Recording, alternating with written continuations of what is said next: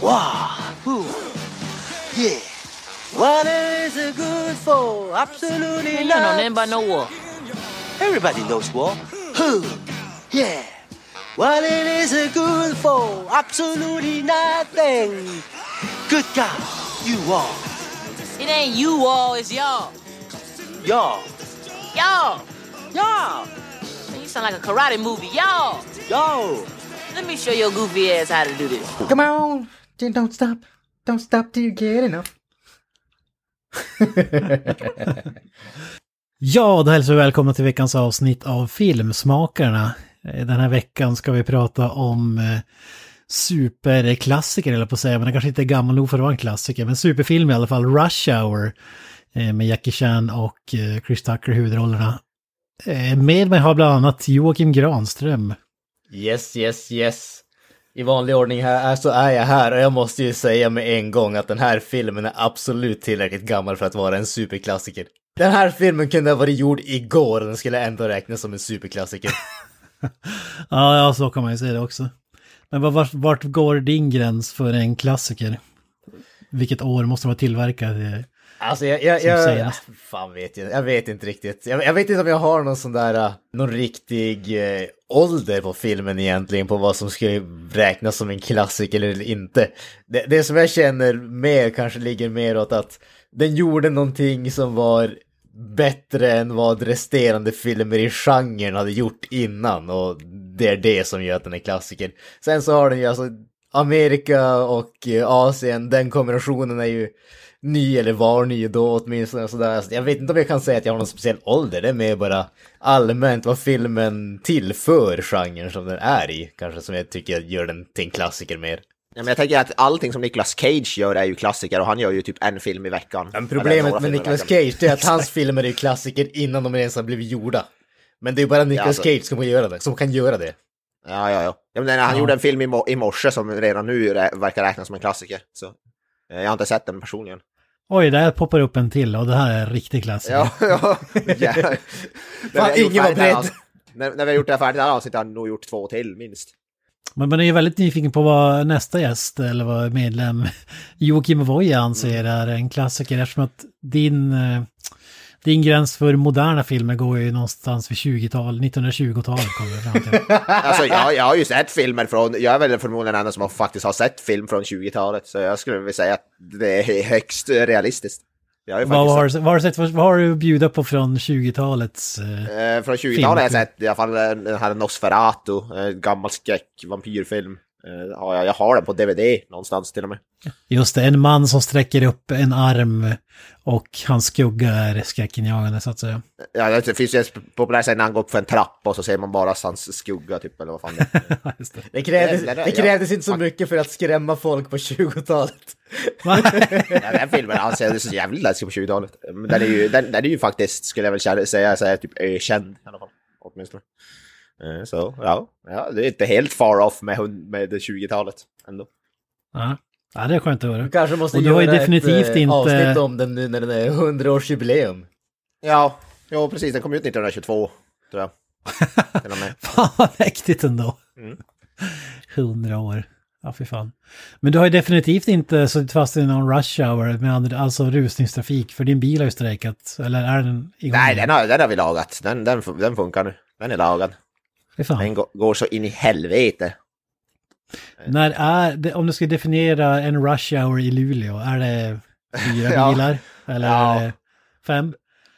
Det är när du inte är bilar. först vid rödljuset.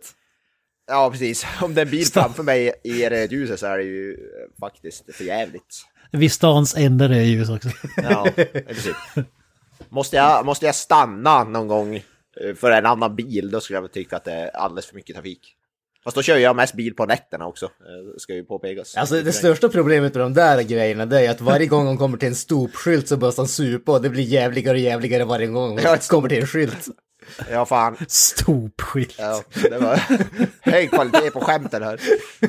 Jag har med ett elstop i bilen. Alltid. Har vi någon mer skylthumor att dra innan vi går vidare? Nej kom igen, jag försöker i alla fall. Den, den bjöd han på. Om, om ni visste hur länge jag hade suttit och tänkt ut den där. Ja, han har försökt i flera år, bara, där fan får jag dra stopskämtet. Jag, jag väntar på det gyllene ögonblicket. Nu är det mic drop. Suger på den karamellen sen lågstadiet. Definitivt. Nu, nu är det mic drop. ja. ja, det har marinerats bra genom åren det där skämtet måste jag säga. Ja, men det, det är hög kvalitet.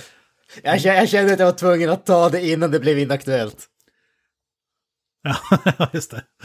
Ja, det, det där, men samtidigt, det där är ju en superklassiker också. Det är så roligt att det blir aldrig, Ja. varken modernt eller omodernt. På, ta, på tal om varken modernt eller omodernt, jag insåg ju att eh, vi har varit väldigt duktiga med det här uh, Jackie Chan-temat som vi nu är, eh, som vi nu är inne på. Därför att vi har, vi har plockat av de här uh, årtiondena. Eh, vi börjar med Drunken Master 70-talet, Armor of God 80-talet, nu Rush Hour 90-talet och nästa avsnitt kommer att bli Rush Hour 2 2000-talet. Vi har varit jävligt duktiga här känner jag. Det är lite weird att vi, vad heter det, den där fucking Åmål, jag förstod inte kopplingen till Jackie Chan där, men den har... Den, Ja men han koreograferar ju allting, han var inte med i bild men han koreograferar Ah, okej.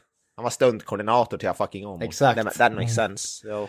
Han såg ju till att alla stunds gjordes utan, utan säkerhetslinor och ingen CGI. Ja, ja, ja. Utan det var ju, Han var stunt, riktiga han, han var ju, jag hörde att han var stunt double åt, vad heter det, uh, vad heter han, Johan Hult. Exakt, det, det var han som körde mopeden. Ja, Med peruk. ja.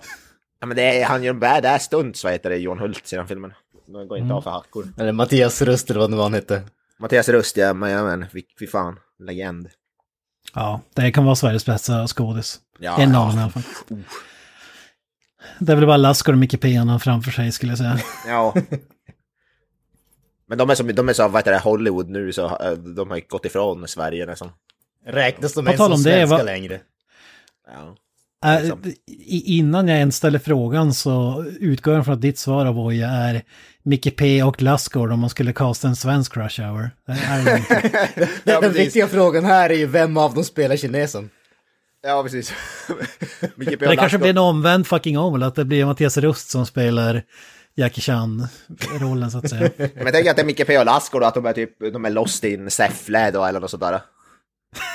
Just det. Fish out of water i Säffle. Ja, eller Flen eller... Ja. Fan vet jag. Fan, den, den här filmen hade jag sä- velat säga alltså. Det måste ju finnas någon liknande sådär buddy cop i- från Sverige, finns det inte det? Ja, jag kan inte komma på någon, men det måste väl finnas någon typ. Bäckspår i mörker. Ja, ja. Ständigt aktuell. Jag vet inte, den här uh, kommissarie Speck kanske kommer nära till lands i alla fall. Ja, just det. med, med, Fredrik Granberg. Jag regisserade filmen. Ja. Fan, den är fan kung alltså. Alltså jag måste säga, jag älskar Fredrik Granberg av hela min själ, men den var fan inte rolig. Alltså den är ju jävligt dålig men den är ändå ganska kul faktiskt. Den har ett par roliga skämt faktiskt. Det, det, det kanske är ett framtida avsnitt. Eh, Ja, fan. det, det var, jag, har, jag har bara sett 20 minuter av den, ska jag erkänna.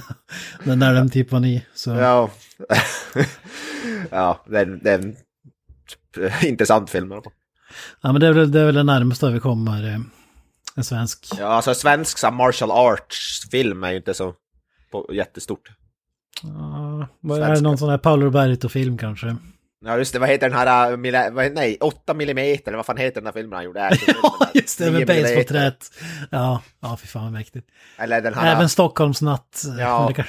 Men, det kanske, var så mycket buddy cop där. och vad heter den där när de trycker, uh, vad, vad fan har du- det kom damm på min korv? Vad är det, nattbuss? Eller? Nattbuss 807, oh, Ja. ja. Ja. Den dammar av sin matta på korven, det är jävligt. Grus på korven för helvete! Fan vad bra film. Ja, ja, ja. Eh, nog om detta, nog om detta. Granström som Jackie Chan-expert, hur, vart hamnade den här i hans karriär? Det var väl lite av, här skulle han bli, det var inte hans första film i USA, men här skulle han bli superstar i USA, var det väl? Ja men precis, det var, det var ju lite grann åt det hållet. Han hade gjort den där, eh, vad ska man säga, impacten alltså. Han hade ju släppt, eh, eller varit med i några stycken eh, amerikanska filmer. Eh, Rumble in the Bronx är ju kanske den som vart mest känd och sådär. Men, men här så fick han ju den där, alltså det, det var just den här parningen med, parningen låter som att det är ett djur som oh, ja, han, skulle, han- han och Chris Tucker får jävligt fina barn. Ja, exakt. Nej men ju- just den där, vad heter det, kombinationen med eh, buddy, alltså buddy cop-genren är ju väldigt tacksam. Eh, den, den är ju lätt att ta till sig på så sätt att du får de där, eh, du, det är ju väldigt förutsägbart. Du har två personer som börjar med att inte tycka om varandra och sen så efter ett tag så arbetar de mer och mer och sen tycker de om varandra och så löser de skiten i slutändan. Alltså det, det här är ju så mycket av en... Eh, kär, alltså det här är ju en kärlekshistoria, det är bara det att det är eh, två heterosexuella män och de är inte kära. Men, men det är ju en kärlek... Uppbyggnaden, funktionen är ju samma som en kärlekshistoria, så det är väldigt lätt att ta till sig om man säger så. Och sen har du lite explosioner, lite kampsport och lite skjutvapen och sånt där. Och det, det, är ju, det är ju lätt att eh, ta till sig. Sen så kan jag väl personligen tycka att, alltså, för mig så är ju det här en, en ultimat klassiker när det kommer till just den där buddy cop-genren. Men när det kommer specifikt till, om man säger Jackie Chans karriär vet jag inte riktigt vart jag skulle placera den om man säger så rent. Om man säger, när det kommer till Jackie Chans kampsportsbitar, det som han är känd för, stuntsen och de bitarna, så vet jag inte riktigt vart jag skulle placera den här i den hierarkin därför att även om jag tycker att det är riktigt välgjort i den här filmen, det är snyggt och det ser coolt ut så tycker jag att det känns som att det märks att det är amerikaniserat. Det, det är fler snabba cuts, vi får inte de där långa scenerna med den där riktigt eh, utstuderade, det var riktigt den här utstuderade koreografin glänser på samma sätt som det gör i hans Hongkong-filmer. Om man sen tycker att det är ett plus eller ett minus, det, det må ju vara upp till var och en, men för mig så gör det att den biten ligger lite grann på minussidan. Även om jag tycker att filmen som helhet är fantastisk. Ja, Alltså jag håller med dig. För mig är det större styrkan i den här filmen är inte actionbiten. Jag tycker själva komedin och samspelet med Chris Tucker det är det som är bäst i den här filmen. Medan slagsmålscenen där kanske är filmens svagare kort, om man ska säga. Eh, det håller jag med om. Jag tyckte mer om eh, slagsmålscenen i Drunken Master till exempel än vad jag gjorde i, i den här filmen. Eh, I den här är det ju mer så här att det ska vara explosivt och det ska vara stort och de ska hoppa från skyskrapor och fan hans moster. Alltså man måste ju säga att det är, det, är, det är synd att vi inte får den här klassiska ljudeffekterna från Drunken Master. Det känns nästan som nå- någon borde göra en sån här re-edit av den här filmen Ja, där man sätter in faktiskt. alla de ljuden i alla kampsportscenerna. Ja, Bara för jag- att se om den här Ah, filmen växer med eller inte. Ja, alltså jag, jag, jag blev nästan besviken att jag inte hade ont i öronen efter den här filmen. Jag blev nästan ledsen. ja. Exakt. Ja, jag, kan, Nej. jag kan ju tänka mig att det, det, Kent vart ju oerhört nöjd när han insåg att han behövde inte läsa undertexter för att förstå den här filmen. ja, precis. Ja, det var ju gränsfall där vissa gånger måste jag säga. Men...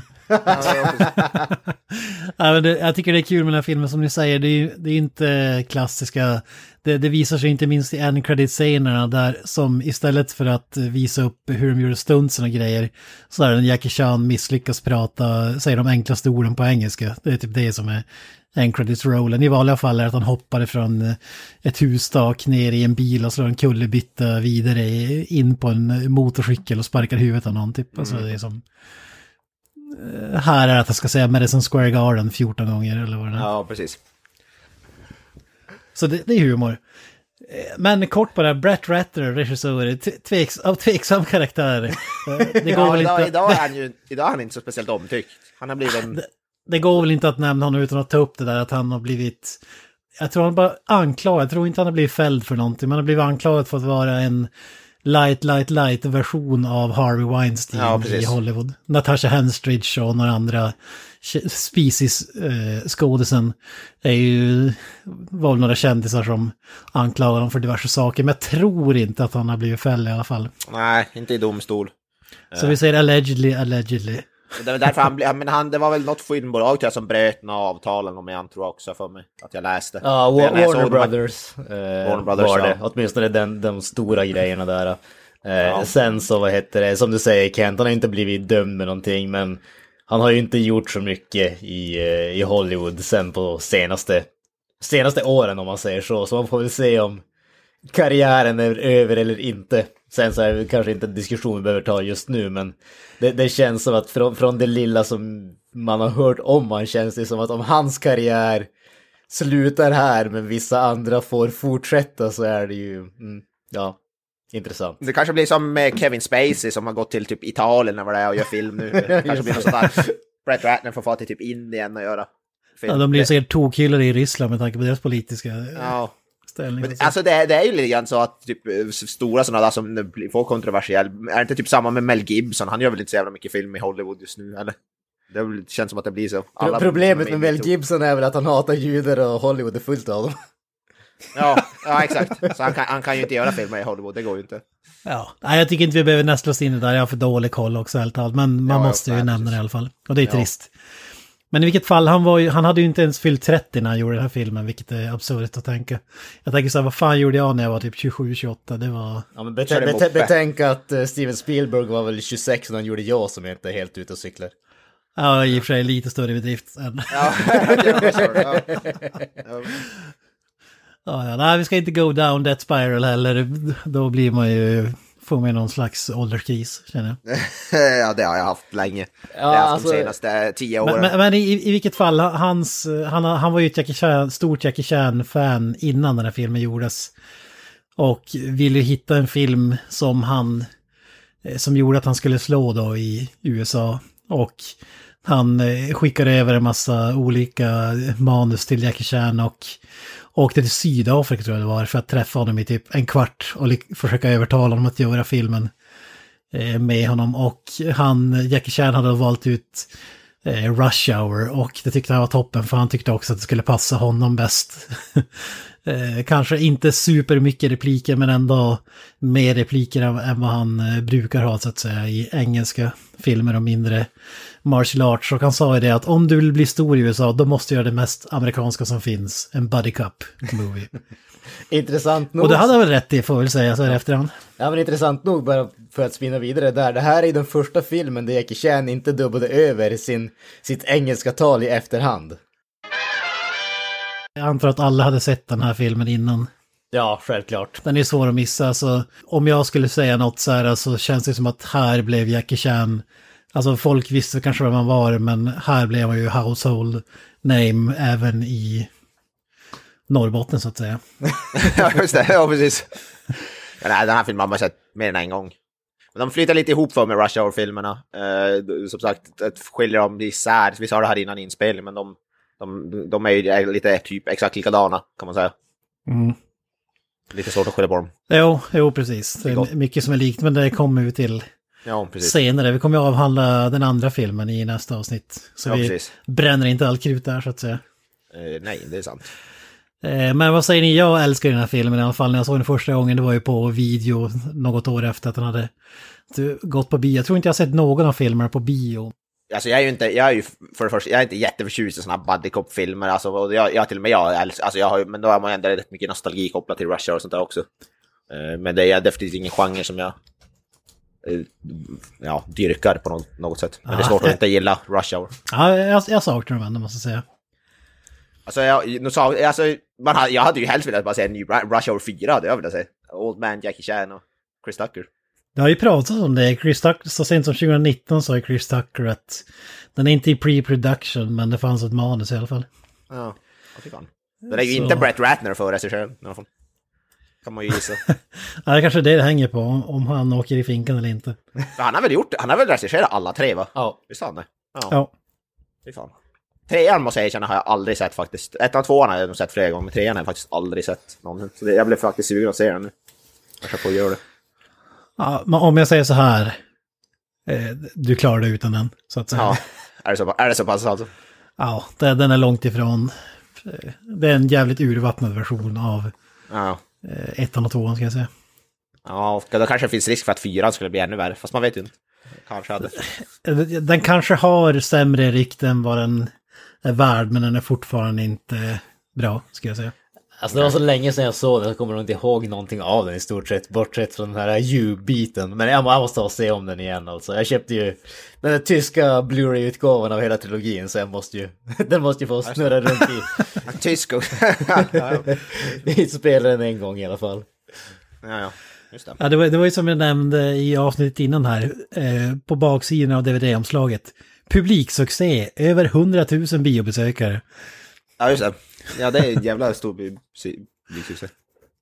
Ja, det är som att Luleå och Piteås befolkning tillsammans har sett filmen. Ja, alltså det är väl typ vad Endgame fick eh, i typ en, en, vad heter det, en salong eller så. Ja. Nej, men, Ja, det, är bara bio 3 salonger som klarar den typen av ja, ja, ja, precis. Den typen av tryck. Ja. Ja, fy fan, bioteatern har gigantiska jävla salonger alltså. Ja, ja, fy fan. Men ska vi gå in på rolllistan? Absolut. Jackie Chan behöver vi kanske inte, vi har ju pratat, eller finns det något mer att säga om att han är med i den här filmen? Ja, det är ju liksom våra tema som handlar om han, så det är ju ganska självklart. Vi kan nämna kanske Granström, du, du hade ju också lite trivia där kring, han var ju inte den första snubben som blev erbjuden rollen. Det här manuset skrevs Ja. ju långt innan det var tanken var att det skulle bli en Jackie Chan och eh, Chris Tucker joint, så att säga. Ja, vi hade ju eh, Chris Farley som var eh, involverad där ett tag. Eh, Chris Farley och så var det väl Martin Lawrence, tror jag att eh, vi Exakt. kom fram till att det skulle vara, som hade haft Chris Tuckers roll då. Den kombinationen hade ju varit intressant att se, men som sagt, Chris Farley hade ju diverse problem, eventuellt relaterade till substanser, ska inte Ja, just det. Eh, så det gjorde väl att eh, han dog väl ganska, ganska Ja, nära in på att den här filmen släpptes som inte helt Ja. Han, han dog ju 97 så jag skulle gissa att det kan ha någonting med, att, med det att göra så att säga. Ja, Tyvärr. En tragisk död givetvis, men istället fick vi den här uh, East meets West kombinationen med Jackie Chan och Chris Tucker och i ärlighetens namn än en gång. Jag kan inte se en bättre casting i den här filmen än de två alltså. Nej, nej, det, det, det skulle ju vara den här som eh, att Tupac Shakur var considered for the role som Carter. Det hade väl slagit. Tupac, ja. Ja, nej, nej, men jag håller med. Det, alltså de matchar varandra så jäkla bra. Jackie Chan med alla hans stunts och eh, Chris Tucker med, all, med sitt jävla eh, snicksnackande så att säga. Jävligt rapp i käften. Det, det sa väl Jackie Chan också när han träffade honom första gången. Alltså var han, han var less honom efter typ två möten. Bara, men Vem fan är den snubben som pratar så jävla mycket? att han var less honom. Men eh, efter, eh, ja de blev ju jävligt bra vänner då. Eh, eftersom och jag tycker det märks i filmer också att de har jävligt kul när de spelar in den. Ja, men jag tror det. Alltså, som sagt, jag tycker det här känns ju som en sån där film där man märker att skådespelarna i den tycker faktiskt om att arbeta med varandra. Ja, Det- det- ja men det känns det- ju verkligen så. Ja, alltså men Det man alltså- märker det, alltså det är just det här, alltså, vi pratat om det, men att folk måste ha kemi med varandra.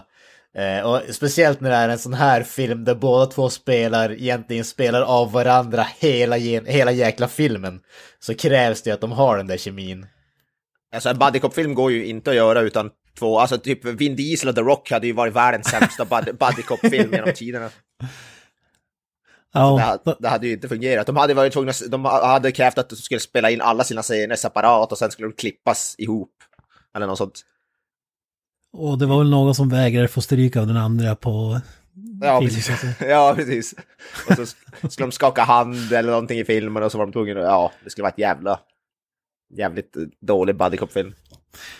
det, det tycker jag, om vi går vidare i castlistan, Chris Penn är ju... Ja, fan. Det, det, blev jag, det blev jag positivt överraskad över. Från Reservoir Dogs. Ja, personlig favorit. Men jag, Ja, jag, bra. jag, jag lyssnade på kommentarspåret till den filmen och då berättade ju Brett Ratner när han... Eh, han- det var ju Chris Tucker och Jackie Chan var redan castade och så skulle de ha in honom i en roll. Och då gjorde han klart för honom att Eh, ja, men han, han var ju proffsboxare vid, vid den här tiden i livet fortfarande. Och sa bara... Just so you know, I, I would knock the shit out of Jackie Chan and I would slap around Chris Tucker like a little bee. eh, Så att säga. Det. Och då, då sa ju Brett Ratner att, ja då, då jag insåg att han är, han är badass in, badass in real life. Jag tycker Chris Penn är riktigt jävla bra. Alltså Reservoir Dogs är en av mina favoritfilmer och där är han ju så sjukt jävla bra faktiskt. Ja, han är så jävla briljant, jag älskar honom också. Ja. Sean, Sean Penns bror, om det var inte någon som inte... Det? Ja, den bättre brodern så att säga. vet inte, bror, precis. Det är lite mer, mindre seriösa bror, kanske lite, lite mer talkative. Men Sean Penn eh, säger ungefär två ord per film han är med i. Ja, och skillnaden är Chris Penn behöver inte säga någonting. Han är ändå kung i allt Han, han säger jävligt mycket. Alltså i Reservoir Dogs pratar han ju in i helvete. Och svär, och gör han också. Som inte alla i Quentin Tarantinos filmer. Ja, Ja, det- ja, det är en favoritskådis måste jag säga. Ja, han är riktigt jävla bra alltså. Tyvärr inte med oss eh, idag, men... Nej. Tyvärr, han dog ju för ett antal år. Mm, mm. Vi har även, vad heter det, eh, från Tom, eh, bland annat Batman Begins, Tom Wilkinson är ju med. Just också, också, också jävligt bra. Jag gillar Tom Wilkinson som fan. Tycker han är riktigt bra. Ja, vilka är hans mest ikoniska roller skulle jag säga?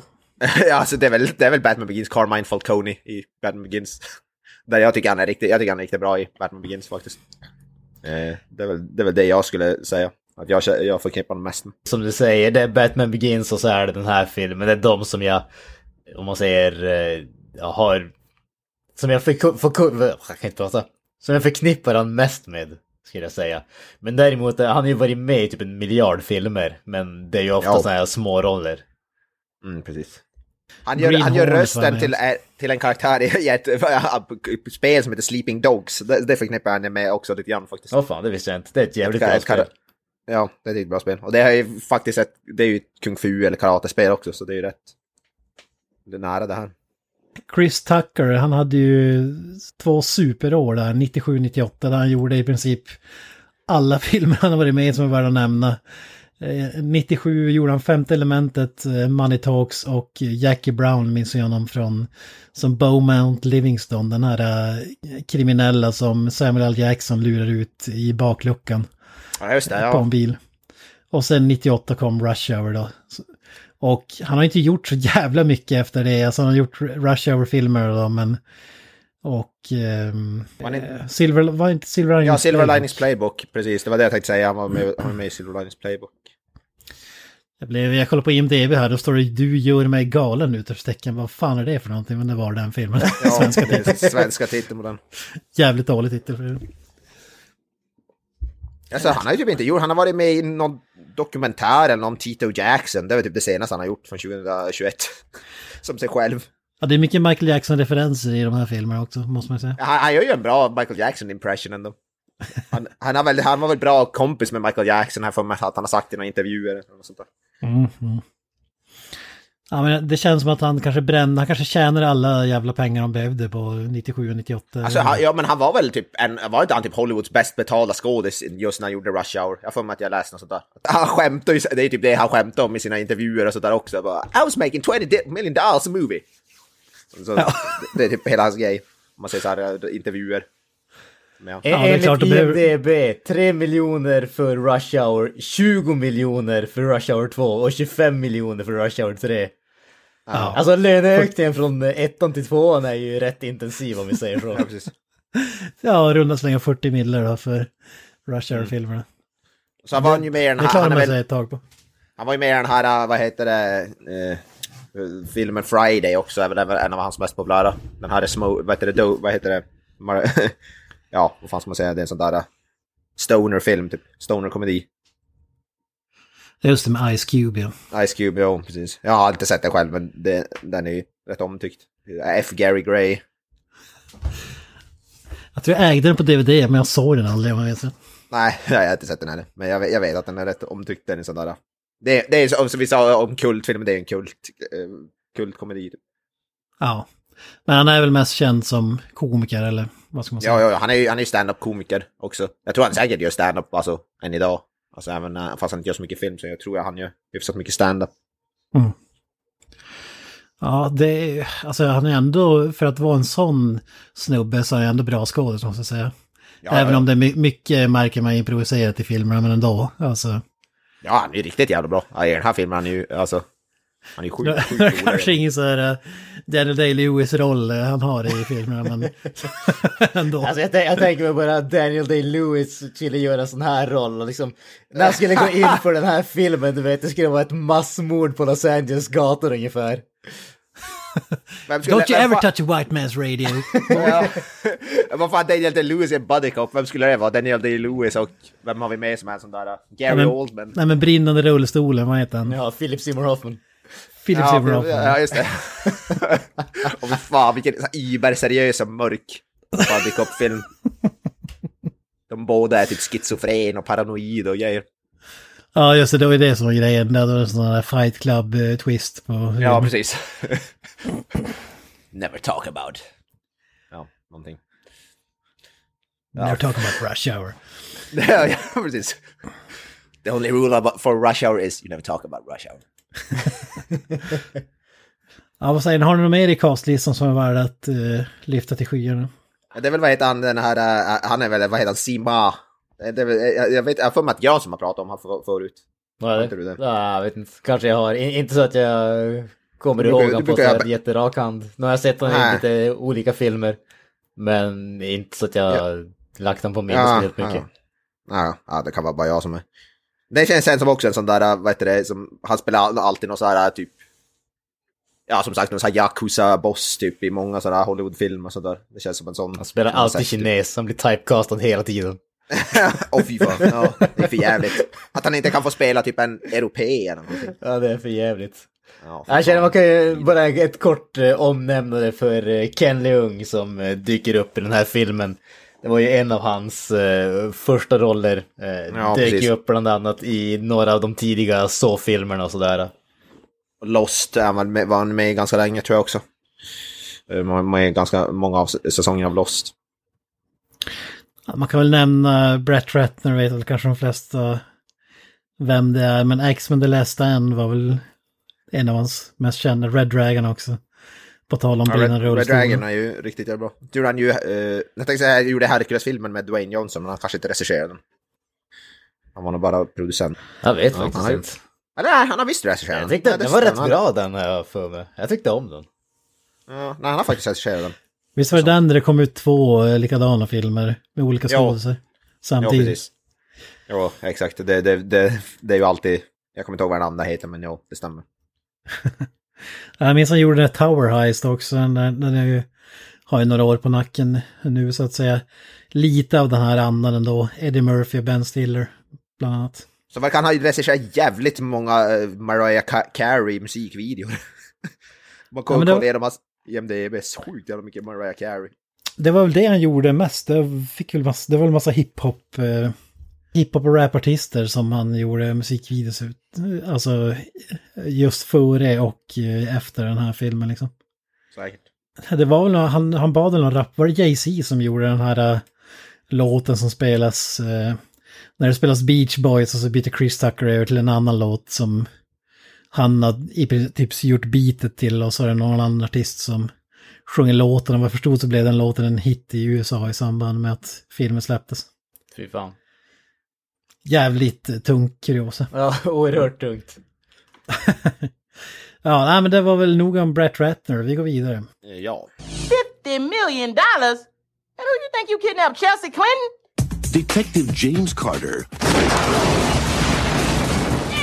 loved his job just a little too much. You destroyed half a city block, That block was already messed up. and you lost a lot of evidence. You still got a little bit left. But the job got a little too dangerous. You have 29 minutes left. I got everything under control. Papa. I want to speak with my daughter. Han was about to get his daughter back and you screwed it up. I would like one of my people to help. Now it's time to bring in the master. Please tell me you speak English.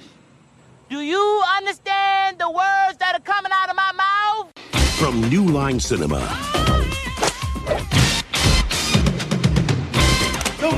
The fastest hands in the East. Wow. Meet the biggest mouth in the West. Jackie Chan. I can't hold it anymore. Just hang on, man. I'll be right back. Chris Tucker. FBI, take a picture. It's okay. Wait a minute. Wait a minute. Rush Hour. We can hang my crib. I will show you my hood. What the hell did you just say? Ja, det kanske är dags för eh, filmen på tre minuter, eller vad säger ni? Absolut. ja. Jag har har du framtid, tiduret i ja. klockan. tiduret i klockan. Tiduret i handen. Det vill Ja, säga mobilen i handen men det är Ja, jag, sitter med ett riktigt, så, riktigt sådär jävla stopwatch. Jag köpte en extra coolt. stopwatch enbart för att vi skulle göra de här tre Ja, minuter det- till podden. Det hade varit badass alltså. Okej, är du redo? Åh, så det är det kan bli. Tre, två, ett. Rush hour. Ja men eh, Jackie Chan spelar ju någon eh, supersnut i Hongkong och i början av filmen så gör ett tillslag mot den här gangstern Jun Tao och hans gäng. Och det är ju en gangster som ingen har hört talas om, man vet bara hans namn.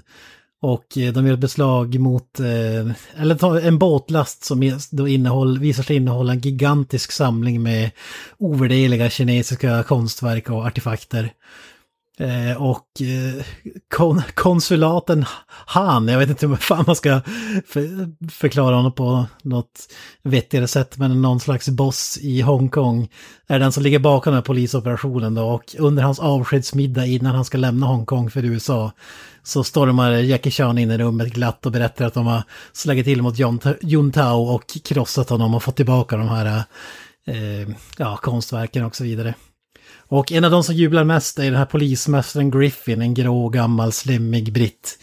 Eh, som klappar utav helvete. Eh, och, men konsulaten har även en dotter då, Su Yang, som blir upprörd när hon får veta att Jackie Chan inte ska följa med till USA. Han har tränat upp henne och varit någon slags bodyguard och så vidare. Eh, vi hoppar till USA då Chris Tucker köper eh, vapen av Chris Penn i bakluckan på en bil. Det, det visar sig att han har C4 där även. Och när två andra snutar, han jobbar undercover, och när två snutar som inte har någon aning om att han är polis dyker upp och fuckar upp allting så försöker Chris Penn dra därifrån men Chris Tucker skjuter hans bil och ett halvt kvarter exploderar av den här C4. Eh, och en av de andra poliserna får även lillfingret bortskjutet. Som, som straff så, eh, eller när, när den här konsulaten kommer till USA så kidnappas hans dotter av Jun Tao. Då ska han lösa en summa och så vidare. Eh, och eh, då han vill ha Jackie Chan på plats för att lösa det här fallet. Han litar inte på FBI. Eh, men de tycker så här att fan ska han komma hit och förstöra en utredning. Så de eh, vill ju att Jackie Chan ska vallas bort, att någon ska vara babysitter som de kallar honom och skjutsa runt honom så att han låtsas lösa fallet trots att han inte gör det. Och då blir det Chris Tucker då som får det uppdraget. Och eh, han får ju reda sen att han blivit lurad av sin polischef eh, till att ta det uppdraget och blir sur och så bestämmer sig för att lösa fallet på för egen hand. Eh, ja, så de åker runt där i 30 sekunder. i Los Angeles och eh, försöker hitta den här flickan. De hittar honom till slut. Ehm, eh, ja, då, eller de hjälp, försöker hjälpa till på sitt håll och lösa fallet men eh, samtidigt som FBI försöker lösa det, det går åt helvete. Men till slut så lyckas de spåra upp eh, eh, Jun Tao samtidigt och det visar sig att Tao är den här gråa slemmiga britten från början som är polare med konsuln Han. Och att han har snott eh, ligger bakom ställen av den här ovärdeliga Tid. kultursamlingen. Och eh, ja, jag kan bara säga att när den här samlingen ska visas upp så eh, ja, blir det en final battle då, där Chris Tucker och Jackie Chan spöar upp eh, Jun Tao som han kallas och han gör ett magplask i en pool och dör eh, och räddar dottern. Och sen åker de eh, till flygplatsen och eh, ja, ska åka åt varsitt håll. Men nej, nej, för fan, de åker ju till... Ja jävlar. Ja, men de åker, de åker någonstans i alla fall. Ja. Jävlar, det var, det var fan svår film där. Ja, det är mycket som, är, mycket som händer. Ja. Ja, det var rush hour på tre minuter och någonting. Det vart väl 3 närmare minuter fyra. och 40 sekunder. Ja. oj oj. Ja, men det, och då hann jag inte få med allt som man vill få med så att säga. Men det är tur att vi kan gå igenom specifika scener. Ja men precis. Ja. Alltså innan vi bara går in på specifika scener känner jag bara att alltså, en av de stora styrkorna i den här filmen, och jag kommer att klaga på det här i den andra filmen, men det är ju alltså hur mycket hjärta den här filmen har. Eh, Den här filmen känns ändå som att alla karaktärerna bryr sig om någonting. Det finns en orsak för dem att vara där. Eh, och det är ändå någonting som jag tycker den vinner jävligt mycket på. Alltså det är inte bara att det är cool action och en massa humor. Det finns någonting mer i den här filmen. Eh, och ah, alltså det är, än en gång, det, det, den vinner över med så jäkla lätt, men den behåller mig hela vägen igenom. Det känns också som att även de här minsta jävla karaktärerna är ganska memorable ändå. Alltså, det, det känns som att det är ingen sån här liten roll som bara slängs bort. Alltså det känns som att det är någon tanke med castingen hela vägen på något sätt. Ja. Eh, Och det är ju jävligt ovanligt ska jag säga. Framförallt i en sån här film när du reser och typ det är en massa bad guys och... Ah, Det är lätt att de bara blir faceless eh, killers eller vad man ska kalla det. Men jag, jag tycker ändå att man hittar sätt att separera dem på och göra dem ändå minnesvärda på något sätt. Hur liten eller stor roll de än har. Ja, nej, men jag, jag håller absolut med där. Och det, det är just det där att alltså, det känns som att alla karaktärerna fyller en funktion och de är inte bara nameless goon nummer 12 ungefär. Nej, och all, alla för ändå handlingar framåt på något sätt. Ja. Och det är ju väldigt sällan i, framförallt i komedifilmer så är det inte alltid det är fallet så att säga.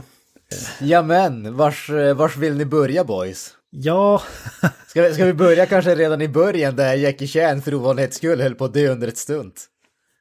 just det, ja. Det, det, det känns, som en återkommande.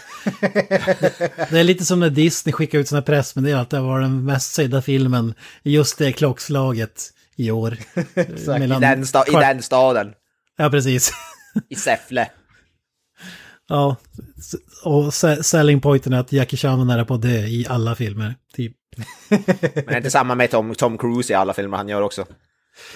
Ja, Jackie Chan och- höll på att dö i hans filmer också. Ja, precis. Inte bara i sina egna filmer, i Tom Cruise-filmer också. Ja.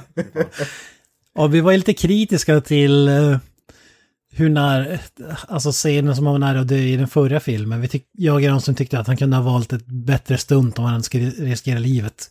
Ja, Va, va, vad, säger, vad säger du om det här stuntet? Var det värt att riskera livet för? Uh, värt och värt det vet jag inte, men här känns det ju som att fuck, det är jävligt nära. Va, va, alltså vilket stund är det? För nu var det som sagt, jag har inte sett filmen, så jag såg den i tisdags. Så jag, det går mig lite förbi. Det, det är två containrar som slås ihop och Jackie Chan ska hoppa upp mellan dem, kan man säga. Ja, okej, ja. Mm, Eller häva sig upp, eller vad man ska säga. just det.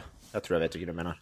Och just när han svingar sig upp så säger de något i stil med att hade han varit en halv sekund eh, segare i den rörelsen så hade hans huvud klämt sönder mellan de här containrarna. Jesus Christ. Ja, ja, det är fan. Ja, och fy fan. Ja, Jesus. Ja, men det är ju... ja, Det är fan, det är fan ändå... Alltså... Är det, är det den tagningen de fick i filmen också, där han höll på att dö? Eller var det... Jag antar det. Jag menar, det, det, han gjorde ju Ja, de inte... klippte bort den där han dog, då, då kör på. Nej, men jag tänkte bara, alltså, han- de, antar att de gör den där scenen, flera, alltså, om det, var, det kan ju vara flera tagningar när det har gått hur Ska vi köra på den då när och, och dö? Nej, vi, vi tar tio till. Men han kan ju ha hållit på det i typ den sista tagningen, eh, alltså sista gången de, de filmade. att man förutsätter ju att om man höll på att dö så var det den bästa tagningen av en sån här grej, därför att han ska ju vara i livsfara. Ja, Det, det, det är ju inte som i Armor of God där han liksom hoppar och ska svinga sig i en trädgren och trädgrenen går av. Här är det faktiskt meningen att det ska se ut som att han Vad fan- dör, så att ju mindre marginal Alltså, desto bättre. På tal om ingenting, vad fan är det för film när de faktiskt har med en scen när någon dör? Är det Triple X typ eller något sådär? Det är någon stuntman som dog som de använder. Faktiskt har med scenen när han, han, han Wow. dör. Jag har inte sett den, men jag kan inte uttala mig. Jag får mig att jag läste något sånt. Det är en- det är stuntman dog under den filmen de har med faktiskt scenen där han dör. Alltså, eller det är stuntet. De är med i filmen. Är det inte Brandon Lee The Crow också? Jag vet inte om det var någon, om de filmade om den scenen eller... Ja, jag är ganska säker på att det är första Triple X i alla fall. Fy fan, alltså. Det enda som är värre än att dö under en filminspelning är att det ska visas i en Triple X-film också. Ja, ja, ja, precis. Triple X är ju inte... Ja, det, det är ju... Om det i alla, i alla fall hade varit i Triple X med Ice Cube. Men det här var Ja, ja, precis. med Vin. Diesel. Fan. Ja, det, det enda som är värre än att, dö om man skulle dött under inspelningen av Mindhorn. Ja, oh, ja, fy fan. Ja, då Alltså hade de tagit livet av sig innan. ja, ja, det, det är rätt sjukt ändå att hur mycket folk som dog efter inspelningen av Mindhorn. Hur många tittare som tog livet av sig efter?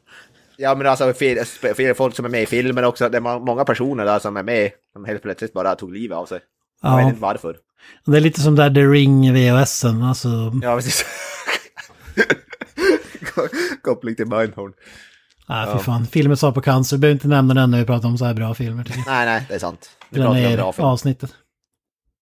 Ja, men det, är ju, det är ju bra i alla fall att vi inte förlorade Jackie Chan redan 98. När den, när den här filmen kom ut. I alla fall. Nej, det hade vi aldrig fått. Rush Hour 3. Så det. Nej. Eller The Tuxedo eller någon av de andra bra filmer. Eller Rush Hour 2 för den delen. Ja, Hour 2 hade vi inte fått. Men nu greppar jag livbojen och kravlar mig tillbaka till tråden där vi var. Eh, Oh. eh, ja, det, det, jag tycker att den här scenen är ju mer värd att riskera livet för än den förra. Eh, men ja, det är väl ingen scen som är värd att riskera livet för egentligen. Jag vet inte. Deep shit. Väldigt. Det var lite för mycket filosofi där. Ja, Är man inte ja, beredd att väldigt djupt. riskera sitt liv för sitt jobb, är man verkligen på jobbet då?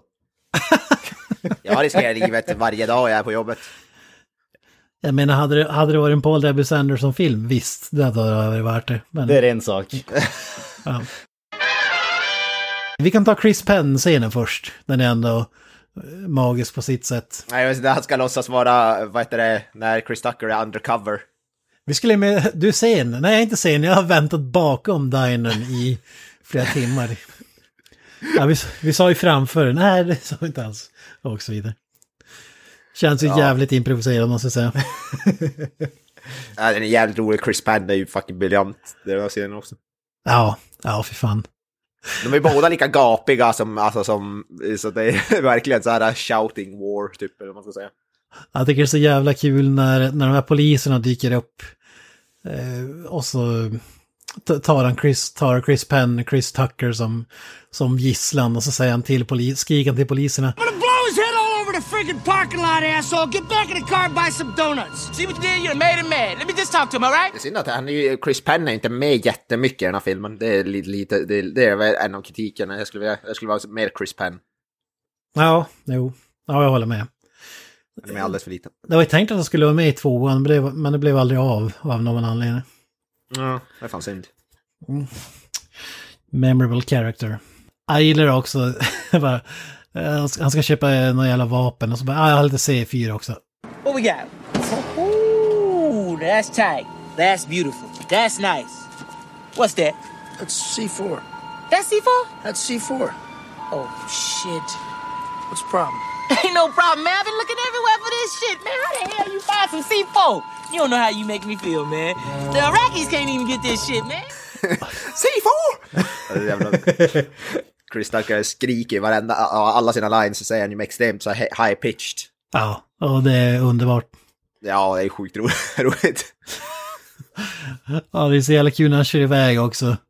Och så kastar han sig ut i bilen innan den krockar. Ja, vet, oklart varför. Jag tycker om också att de må- måste ju eh, propsa på att påminna publiken om att han har C4 in the eh, trunk. Eftersom typ alla säger det och eh, Chris Penn säger det när han sitter i bilen. Come on man, I got C4 in the trunk. Som att eh, Chris Tucker ska höra det när han kör iväg från honom. Ja, exakt. Han är jävligt pricksäker vad heter det också när han kör iväg. Chris Tucker, han jävlat. Sätter kulan rakt i, i vad heter det, bomben. Vad jag förstod så ska det inte gå att kunna skjuta en kula och C4 ska explodera. Det krävs någon Nej. elektronisk eh, manick för att det Ja, ska... precis. Jag tror, jag tror inte det är helt scientifically accurate. Men De här det är ändå känd för det, för att vara väldigt scientific. Ja, precis. Men det, det leder oss ändå in på vad jag i alla fall tycker är en av filmens höjdpunkter. När eh, han, blir, han tror att eh, han ska är hjälte och ha saved the day. Ja, precis. Att För att han har gripit. Chris Penn och blir inkallad till eh, kommissarien eller chefens eh, kontor. Ordväxlingen dem emellan där är helt fantastisk. Det är det klassiska Mayor's gonna have my ass eh, speechet men de har en liten eh, twist på det eftersom att eh, polischefen just har pratat med FBI eh, om det här att ja, men det, det är någon som vill ha shit assignment att eh, vara babysitter åt Jackie Chan och bara skjutsa runt honom och låtsas som att han Chris löser Tucker blir så fallet. jävla glad. Chris Tucker blir så jävla nöjd för att han tror att han ska få lösa mord tillsammans med FBI. Typ. Ja. Ja, men jag, tycker- alltså, Ja, jag, jag, älskar ju hela, hela vad heter dialogen där. Cap, I know you read the paper. They lying. You know I wouldn't do nothing like that. They over exaggerate. You know how the paper is. They just want a story. Two officers were shot. One man lost a pinky. But did nobody die? You destroyed half a city block. That block was already messed up. And you lost a lot of evidence. We still got a little bit left. What you did was dangerous and completely against policy. And not only that, you did a good job. What? Everyone around here is so image conscious. Everybody's so afraid of their own goddamn shadow. It's nice to meet an LA detective who's willing to lay it on the line. Yeah. That's that's that's the same way I feel. That's what I've been trying to tell everybody. See, ever so often we have to let the general public know that we can still blow shit up. You goddamn right. That's the only way I work, Captain. So that mean I ain't getting this. Ja, ja, men det bästa där, han säger så här, you blew up eh, most of the evidence. We still got a little bit left. Men också att, att, att de blå, sprängde ett helt kvarter. Ja, ah, men det var ett skitkvarter ändå. Vad fan. ja. Det var en jävla slum. alltså, we need the public to know that we still can blow shit up. Ja. men det var ju typ som i en superhjältefilm, typ om Superman förstörde halva. De sa att du förstörde ett helt kvarter. Men det var ett jävla skitkvarter ändå. 20 000 människor dog. Nej men det var ju bara uteliggare. Uteliggare. Ja, alltså det går inte att härma den ordväxlingen och dialogen, men det är helt underbart tycker jag. Han är ju skön polischefen där också, gubben där. då. Eh, han är jävligt bra. Ja, det är så så här, vem fan skulle ha det jobbet? Det är ett riktigt skitjobb. Jag förolämpar att jag ens vill att någon i min polisforce ska ta sig an där. Så säger, han, säger Chris Tucker genom rutan. Jag skickar över en snubbe direkt. Ja, jag tycker, det, det här visar ju, det här är ett perfekt exempel på det som för mig gör att Chris Tuckers karaktär funkar bättre i den här filmen än vad det gör i uppföljaren. Och det är just det här att han tror att han är liksom the big hotshot guy. Men i verkligheten så är han liksom the butt of jokes för alla. Och det är det som är så fantastiskt. För han, han beter sig verkligen som att han är eh, Guds älskade barn och ingen tycker om han. Ingen. Det är för att ingen säger det till, till han face to face, för han tror att alla... Han verkar, ju- verkar tro att alla älskar honom. Ja, men det är det som är. Han är så superarrogant eh, snubbe som bara failar eh, och ändå är en fegis på något sätt, eller vet fan. Det, det, det, det kan man säga med Chris Tucker också som jag tycker är, det tycker jag syns på duken också, om man ska säga. Alltså, eh, som Brett Ratner också snackade om att Chris Tucker vill inte bara vara den här att Jackie Chan skulle stå för all eh, ja, men fighting och sådär, han bara skulle stå bredvid, utan han ville liksom mäta sig med Jackie Chan på något sätt. Och det, det tycker jag när de lyckas med, alltså, det, det känns ju ändå som att även om han inte är givetvis, eh, han spöar ju inte upp eh, tio pers med en ratt, det, det gör han ju inte. Men eh, jag tycker ändå att de har filmat det så pass att det är trovärdigt att han också kan lite martial arts, trots att han, vad jag antar i alla fall, inte är en martial arts-snubbe överhuvudtaget. Nej. Det märker man väl i tvåan framför allt, eh, tycker jag väl eh, Chris Tucker ändå. Ja, men det kommer vi väl till sen, men då, då har han ju betydligt mer s- slagsmålscener. Mm. Eh, framförallt. Ja, man sa det, han var säkert tävlingsinriktad, att han skulle inte klara av att bara stå sig på när Jackie Chan gör alla sina stunts, utan han vill visa att han också kan, typ som Chris Ja, men jag Penn. tycker, han, jag, jag, jag tycker han gör det ändå bra, Chris Tucker faktiskt. Ja, men det håller jag med om. Alltså han är ju ändå... Problemet när det kommer till många sådana här äh, filmer, om man säger, inte nödvändigtvis buddy cup, men alltså poliskomedier om man säger så, är ju att folk, folk är så extremt dumma att de aldrig skulle kunna vara i den situationen de är, det vill säga aldrig skulle kunna vara en polis.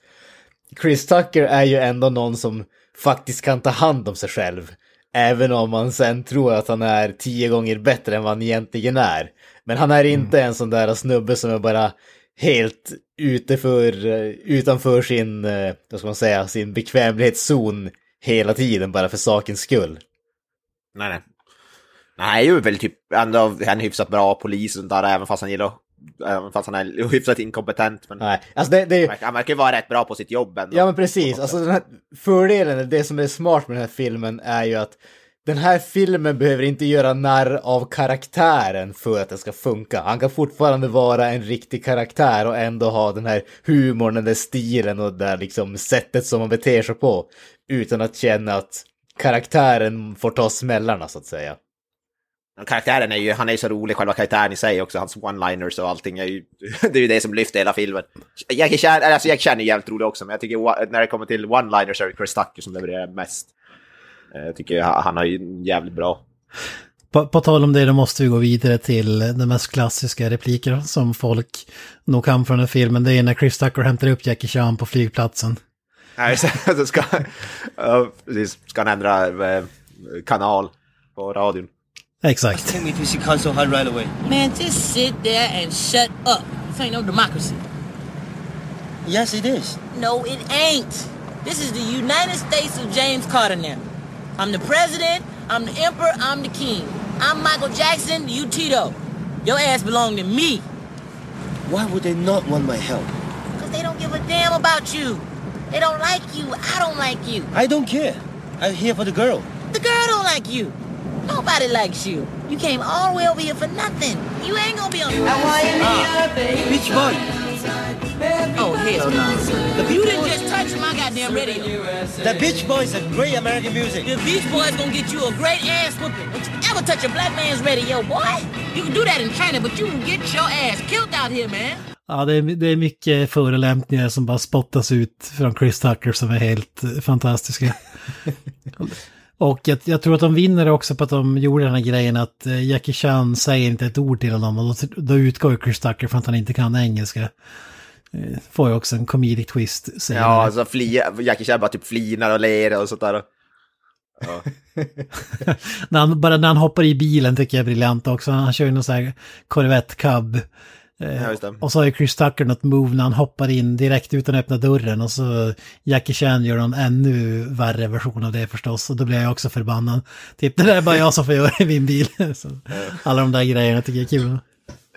Ja, hela delen, delen när han ja, måste jaga Jackie Chan över hela jävla, eh, vad heter det, New York eller vad det är. Eh, när han hoppar på det, diverse bussar Ja. och far. Alltså, det är jävligt roligt.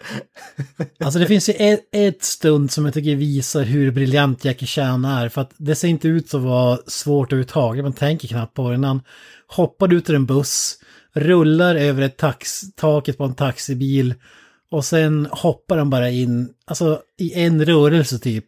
Så hoppar han in i sidorutan på biljäveln Han, och sätter sig. han rullar över taket på taxin och så får han ner i sidorutan på andra sidan av den så att säga.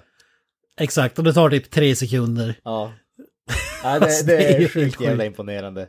Här kan vi faktiskt nämna en kul grej bara för sakens skull. Taxichaffisen, den uh, the old guy som riktar pistolen mot uh, Jackie Chan och Chris Tucker i slutet, det är ju Gene LaBelle. Uh, vilket uh, lite coolt. Han är, för de som inte känner till han har varit med i massa sådana här filmer och jobbat med stunts och sånt där. Eh, väldigt känd inom eh, kampsportsvärlden. Han var en sån här tidig utövare av eh, judo och sånt där. Och han gick en match eh, som judoka mot en boxare typ tidigt 60-tal. Och det är många som anser att den matchen la grunden till vad som idag är MMA. Sen om det stämmer, om det verkligen är sanningen eller inte, det vet jag inte. Men han var jävligt tidigt ut med de grejerna. Jaha, okej. Är ja, OG alltså. Så att. Så jävla OG som det kan bli. Ja, sjukt OG. Exakt. Jag gillar ju även när han droppar av dem när de ska till Chinatown. Och eh, droppar av honom liksom just like home man, just like home. Jag bara, eller ja, i och för sig, jag har aldrig varit i Kina, men det här så jag tänker mig att det ser ut. Alltså, men säger inte någonting om bara, "Uh, may- maybe you'll see one of your cousins or something. ja, just det. Det är jävligt kul. Ja, ja, fy fan. Ja, det är mycket sånt där som förmodligen hade blivit eh, struket idag som... Ja, Big säger att alla äh, vad heter det, kineser ser likadana ut och mycket sådana skämt typ. Det går inte att skilja, dem, skilja på dem. Ja, det, jag tycker om det när de kommer till, de ska gå och käka sen i slutet också. Eller i slutet men alltså. Eh, bara en liten bit efter den här och han klagar på att I want food, not a box of grease eller vad han säger. just det. och så bara, vad fan är det vi äter? Ål, och vad är det du har? Camels hump. Det är också... Camels, är inte det bara fett i en, i en Camels hump också typ? Det är det som är så roligt. Och så gillar jag när, när de sen, scenen efter att när de sitter i en restaurang, och så, på en Kina-restaurang, och så säger Chris Tucker till servitrisen, How's your camel hump? det är så jävla bra. Uh, Ja men det visar ju att han är öppen för nya upplevelser ändå. Ja, ja, ja. Han är kultiverad man. Exakt.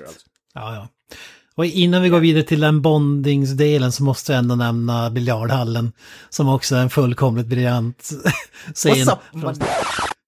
Exakt. Och jag vill även slå ett slag för This is a cig weed! It's a cigarette, it's a cigarette weed! Det, det, vad heter det, här, han, när han går in till sin, han är väl släkt, eller vad är det? Hans, han är släkt, är det hans kusin eller vad fan är det? Ja, men det, ja, men det är väl något kusin eller aktigt. Men han, Ja. han lurar Jackie Chan att, och han är ju någon skurk. Men lur, lurar Jackie Chan att han är mer badass än vad han är. Genom att slå in dörren och hota folk och, och så vidare. Han kör, vad heter det, som eh, Micke Persbrandt i Beck där, gå, gå ut där, gå ut där medan jag sköter det här typ. Ja, ja Det exakt. lite det. Och hotar med att skvallra för hans a- ant eh, någonting. Ja, precis. om han inte gör som han säger. Get your hands off my suit. Your mama bought me this suit. Ja. Fan ja, som du säger, det där repliker som jag inte vågar upprepa, den är ju Jackie Chan. Som du inte vågar upprepa, Jesus Christ. Ja, det är bara jag, jag här som får upprepa den. Eh, Exakt. Jag, Han tar kraftigt avstånd från den typen av language. men jag, jag, jag, får ju, jag har ju tillåtelse. Jag har, Ja, jag, I, I have check. jag har kollat upp det med mitt folk. Men det där är också så här, vad jag gillar med komedin i den här filmen, att det planteras massa grejer som får en payoff. Typ innan de går in bara, eftersom att Jackie Chan är fish out of water i USA, har ingen aning, kan språket jävligt dåligt och alla de där grejerna. Eh, och så säger han det där, what's up my n-word till alla där inne. Och, och sen när Jackie Chan är själv och sätter sig i baren så säger han samma sak för att han tror att det är en normal hälsningsfras då i USA. Och så blir det en barfight av det hela. Det är underbart. En riktigt välgjord fight måste man ju dessutom säga. Absolut, absolut. Det här är ju en av de fighterna i den här filmen där det känns som att det är inte en miljard eh, cuts med varje slag och sånt där, utan här känns det som att man får faktiskt se koreografin riktigt bra tycker jag. Så att det, här är nästan min favoritfight i hela filmen skulle jag säga. Jag ska in och kö- handla någonting. Och för att eh, Jackie Chan inte ska, vad heter eh, ska sticka iväg så eh, handcuffar han ju han till ratten. Och sen när Chris Tucker kommer ut och har köpt mat och vad det var så är ratten borta och Jackie Chan med den. Ja. Och då snikar han ju in tillbaka till eh, konsulatet där de har Consul Han eh, och FBI är för att eh, vänta på vad heter det, säga vad heter det jävligt, jävligt mycket. Jo, de väntar ju på att Juntao ska slå till. precis, de väntar då- på telefonsamtalet från han. Ja, och när Jackie Chan dyker upp där så antar de att det är Juntao som man som ska försöka bryta sig in och ja, typ mörda Consul Han eller någonting. Eller är det bara att han ville, de ville stoppa honom från att Ja, de, Hjälpa. Det de säger, tror jag, nu var det ju så länge sedan jag såg filmen, men det är väl att det är typ en unknown asian man, så att de tror väl att han har någonting med Juntao att göra, och därför vill de arrestera han. Just det, han nämnde dottern. Det var typ det de hakade upp sig på. Ja, precis. Blir världens pådrag. Men Jackie Chan spöar alla trots att han har en ratt fastkedjad vid ena armen. Det är briljant. Ja, vi kan ju ta när de bondar då över låten War. Ja, just det. När de ska sitta på stakeout utanför restaurangen här ja. Men vilken artist är det som sjunger? Är det, någon som har koll på vilken artist det är som... Alltså jag kan ha helt låten? fel, men jag har för mig att han heter typ Alan Starr eller någonting åt det hållet. Edwin Star. Ja, jag var inte så jävla långt bort ändå. Det, det är någon sån här one hit wonder. Men det, ja, men det är väl, ja, The Temptations sång. Temptations är ju hyfsat kända, får man ändå Ja, ja, ja, okej. Mm. eh, lov att säga. Briljant låt eh, och här får man höra Jackie Chan sjunga för första gången i Rush Hour-universumet och inte, definitivt inte sista gången. What is it good for? Absolutely nothing. Sing it again. Så, What do you know about war? Everybody knows war. Alltså, Jackie Chan sjunger på sin It's knaggliga not engelska. you all, it's jag! Ja. Ja. och här istället för att spöa varandra hota med dem med pistol så slutar de med att de gör ett dan- dansnummer tillsammans. Det, det vill Till säga att de, gör väldigt konstig eh, martial arts i luften. Ja, just det. de vi- viftar med händerna lite grann. Ja. Ja, det är sjukt bra. Ja, det är så jävla bra. What is it good for? Ja, Fan, ja, alltså, jag, jag, jag vill fan börja se om den filmen igen. Jag har varit så jävla taggad på den. Jackie Chan är ju en jävla sångare. Han har ju spelat in några låtar och sånt där som är med i filmer och grejer. Ja, ja, han är ju en recording artist. Han har ju släppt album och shit. Ja, det visste jag fan inte. Det är lite som Bruce Willis där, Under the Boardwalk och så vidare. Ja, just det. Det är badass. Eller han, han har någon form av skådespelares svar på John Carpenter. Gör, gör musiken till sina egna filmer. Fan. Jag skulle, jag skulle vilja se Jackie Chan in concert. Ja, ja verkligen. Jag Ja, men vad säger ni? Har- har vi något mer som är värt att- åtta album, bara så att ni vet. Jävlar. Vad, vad sa du Tom? nu? Jag har Jackie Chan på min Spotify. Han har släppt åtminstone åtta album som finns där i alla fall. Åh fy fan. Inte singlar utan album. Album. ja, det är hatten av. Fan. Ja, fan. Det är han och Christopher Lee. Som är... Ja, just det. Ja, jävla mästerartist. Oh, ja. Eh, Ja, sen, jag tycker att... Sen, det, det händer ju mycket mer efter det här, men jag vet inte om det finns så mycket som är värt att nämna som är roligt. Alla de här filmerna kräver ju en stor actionscen som ska reda ut allting. Eh, är det någon, någonting där som är värt att nämna? Alltså det, det som jag kan säga här, det är väl eh, slutbiten där, alltså när de... Eh, vi, har, vi har ju den där eh, Eh, utställningen där de ska överlämna pengarna. Eh, utställningen på alla sådana här Juntaos eh, gamla grejer där. Och de ska överlämna lösensumman för dottern och etc. etc. Vi får fight-scen. Och vi har ju den där ganska härliga grejen i slutet där Jackie Chan hänger i typ takbjälkarna i stort sett. Och eh, Chris Tucker måste springa omkring med världens längsta gardin för att fånga när han faller. Det, jag tycker ändå, jag tycker om den, det ser fan coolt ut. Ja, jag på andra sidan spektrat här. Jag tycker inte att den är så jävla mäktig. Alltså, när jag tänker Jackie Chan och så här ett sista stort stunt så är det inte en gardin rutschkana jag tänker. Jag vet inte. Jag vet inte, jag, för mig är det en sån där som, ja, jag tycker om den, jag tycker den är riktigt cool. Och så känns det som en sån grej som ingen annan har gjort det. Ja, kanske inte. Eh, Men det jag tycker är jävligt kul, en sak som är det är ju när Jun Tao himself, eh, Mr. Batman Begins-mannen, han, hans dödsfall är ju någon så här eh, Hans Gruber light eh, version. när han, han, han, hänger, han, han hänger ju med Jackie Chan där uppe i takbjälken och Jackie Chan har ju på sig den där bombvästen som satt på eh, eh, flickan där ett tag. Och när, när han har ramlat mot sin död så gör han bara ett magplask. Han får med sig bomberna och det där, men inget av det sprängs. Och så, och så skriker bara Chris Tucker Oh we know he, he's dead! Eller, sådär. alltså jag tycker plasket ser så jävla lamt ut. Men det kanske är en del av skämtet och att han dog av ett magplask eller någonting. Alltså Det- gre det- grejen det- där, det är väl i verkligheten så är det, där är ju inte en pool om man säger så, den är inte gjord för att simma. Jag menar, jag, jag, om, är du, inte fa- om du faller från den där höjden, jag förutsätter att han föll och gjorde magplask och sen slog i botten. Men jag tycker ändå det säger någonting att Brett Ratter måste ha Chris Tucker skrika att han dog. För att man ska fatta att han dog för att det ser så lamt ut liksom. Det är definitivt inte lika badass som Hans Grubers dödsscen i... nej, nej definitivt inte. Och ingen lika cool one-liner som Yippee Kaye, Mr. Falcon. Ja, den är svårslagen den också. Vi får ju tyvärr, måste jag ju säga, alltså, även om jag älskar Chris Tucker i den här filmen. Alltså den där uh, slut uh, one-linern efter att han har dödat den där uh, Ken Leung. Alltså den är fan svag. Wipe yourself På- off, you're dead. Ja. Den är fan vek. Är det det han säger? You're dead? Ja. Alltså, wipe yourself off, you're dead. den. Alltså, han säger ju, karaktären sa ju tidigare i, åt Chris Tucker i filmen, wipe yourself off, you're bleeding och sånt där. Så att det är en callback till det, men det är fan weak line alltså. Ja, det var därför jag inte ens kom ihåg den överhuvudtaget. Ja, man hade velat säga He sigged when he should have sagged. Och så, och så The Who-låten och så tar han på sig solbrillor. Ja, just det. Ja, nej, jag håller med den eller.